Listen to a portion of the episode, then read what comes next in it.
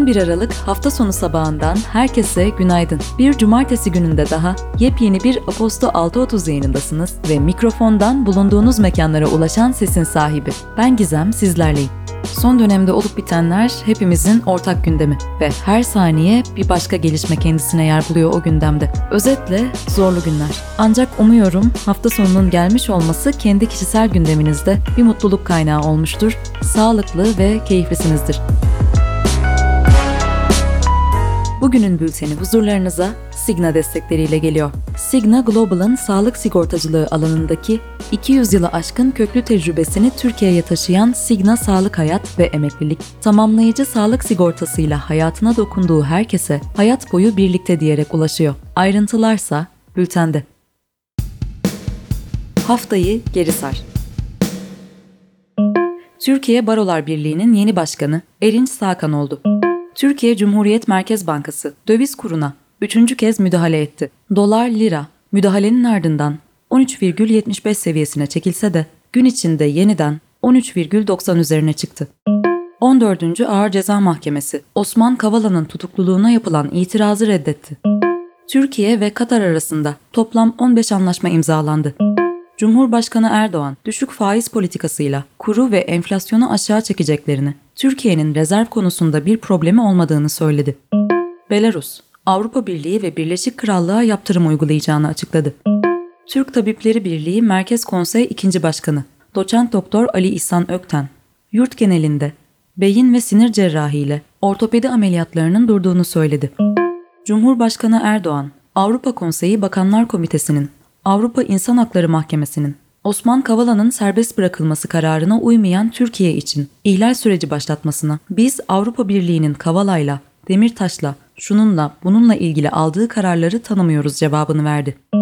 ABD Başkanı Joe Biden ve Rusya Devlet Başkanı Vladimir Putin Ukrayna sınırındaki gerginliği konuştu. ABD ve Avrupa'nın olası bir Ukrayna işgalini önlemek için Rusya'ya yönelik yaptırım kararı alabileceği belirtildi. ABD, Avustralya, Kanada ve Birleşik Krallık 2022 Pekin Kış Olimpiyatlarına diplomatik boykot uygulayacaklarını açıkladı. Almanya'da Olaf Scholz başbakan olarak göreve başladı. Politika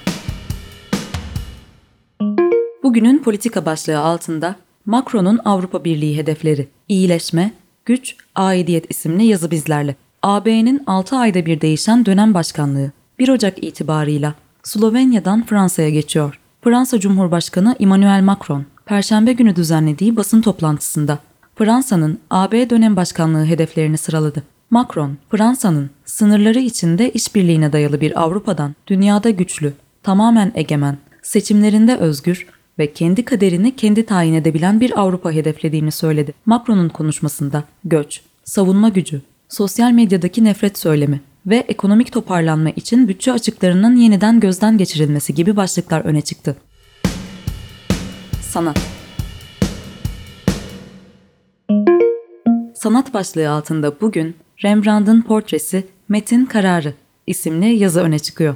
Hollanda hükümeti yüzyıllardır koleksiyoncuların elinde olan ve 1844'ten bu yana Rothschild ailesinin sahip olduğu Rembrandt van Rijn otoportresinin ülkeye geri dönmesi için yaklaşık 198 milyon doları ödemeyi planlıyor. Gerçekleşmesi için parlamento onayı beklenen satın almanın yaklaşık 11 milyon doları Rijksmuseum tarafından, yaklaşık 17 milyon doları ise Rembrandt Association tarafından karşılanacak. 170 milyon dolarlık kısmı ise hükümet ödeyecek. Sinema ve televizyon Disney Plus, Apple Plus, Netflix ve Amazon, Fransa menşeli yapımlara yıllık gelirlerinin %20'sini ayıracağını açıkladı. Konuya yakın kaynaklar, Netflix'in Fransa orijinallerine 200 milyon avro ayıracağını söyledi. Harry Potter 20th Anniversary Return to Hogwarts'tan Altın Üçlü'nün yer aldığı ilk görsel yayımlandı. Daniel Radcliffe, Emma Watson ve Rupert Grint'in yıllar sonra yeniden bir araya geldiği bölümde röportajların yanı sıra özel kast buluşmalarının da olacağı açıklandı. Christopher Nolan'ın J. Robert Oppenheimer'ı merkezine alan yeni projesinin oyuncu kadrosu şekillenmeye başladı. Cillian Murphy, Robert Downey Jr., Matt Damon ve Emily Blunt'ı buluşturan filmin kadrosuna Florence Pugh, Rami Malek ve Benny Safdie de katıldı. Gastronomi Kahve fiyatları, geçtiğimiz çarşamba talep artışı, tedarik problemleri ve iklim koşulları gibi sebeplerden 10 yılın en yüksek seviyesine yükseldi. Indigo'nun haberine göre artışlar Türk kahvesi fiyatlarını da etkiledi. Yılbaşında 30 lira olan kilogram fiyatlarının son günlerde 140 liraya çıktığı belirtiliyor. DoorDash New York'ta hiper rekabetçi, ultra hızlı market teslimat pazarına girdiğini duyurdu. Şirketin yeni bir merkez açtığı ve bu merkezde 2000 adete kadar ürün stoklayabileceği açıklandı. Bir müşterinin siparişinin 10-15 dakika içinde kendisine iletileceği belirtildi. Müzik gündemi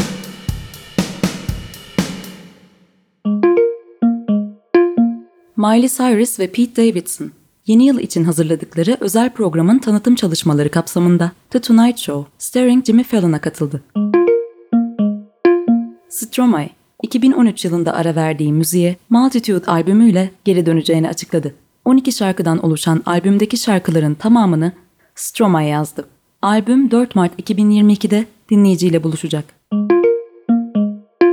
Idols, St. Vincent'ın son albümü Daddy Som'un ilk parçası olan Pay Your Way in Pain'i yeniden remixledi. Bu şarkının linkine ve hafta sonunuza eşlik edebilecek haftanın albümleri playlistine bültenimizden ulaşabilirsiniz.